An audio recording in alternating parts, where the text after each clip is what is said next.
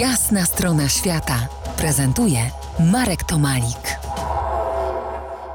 Gościem jasnej strony świata Eliza Kubarska, alpinistka, podróżniczka, autorka znakomitych nagradzanych na świecie filmów dokumentalnych. Rozmawiamy dziś o Twoim filmie K2 Dotknąć Nieba, w którym pod szczyt zaprosiłaś dzieci himalajstów, którzy wiele lat wcześniej zginęli na K2. Bardzo odważny temat, bo sprowadza na ziemię i to w sensie dosłownym, że to tak nazwę himalajstyczną bigoterię.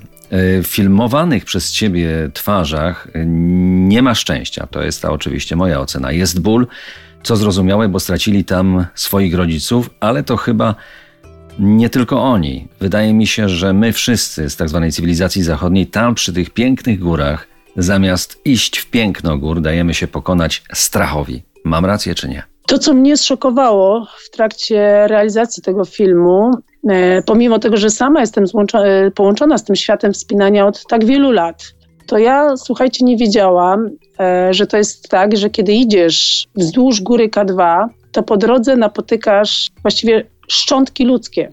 I to jest widok bardzo szokujący. Znajdujesz buta, w którym jest kawałek nogi, znajdujesz kawałek ciała ludzkiego i to wszystko te fragmenty ludzi gdzieś tam po prostu leżą porozrzucane w jakichś takich dziwnych miejscach. To nie jest coś, o czym się w ogóle mówi, prawda? To nie jest coś, o czym kiedykolwiek e, my słyszymy. Myślę, że to jest ta wstydliwa część himalaizmu, że w tamtych miejscach często dochodzimy do takich e, granic w ogóle człowieczeństwa, przez to, że ludzie są tak skrajnie wykończeni, e, to też różne decyzje są podejmowane. No pytanie jest, dlaczego dlaczego podejmują taką decyzję, żeby tam w ogóle, żeby tam w ogóle się znaleźć. Twoje pytanie dotyczyło strachu, tak? Tak, tak, tak. Wiesz co, kiedy jesteśmy w takich miejscach jak Himalaje, ale przecież nie tylko Himalaje, jest więcej takich miejsc na świecie, no to do mnie szczególnie, no ja mogę mówić oczywiście ze swojego punktu widzenia, e, dochodzi do ciebie, jak, jak jesteś maleńką,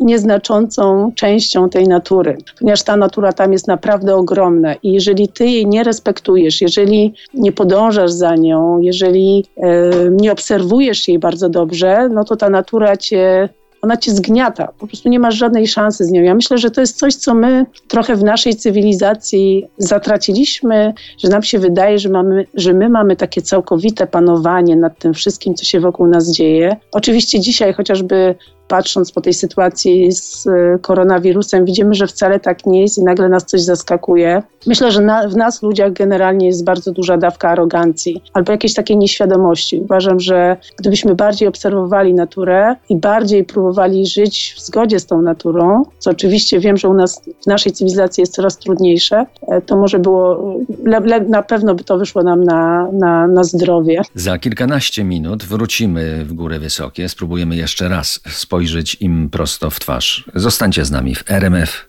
Classic. To jest jasna strona świata w RMF Classic.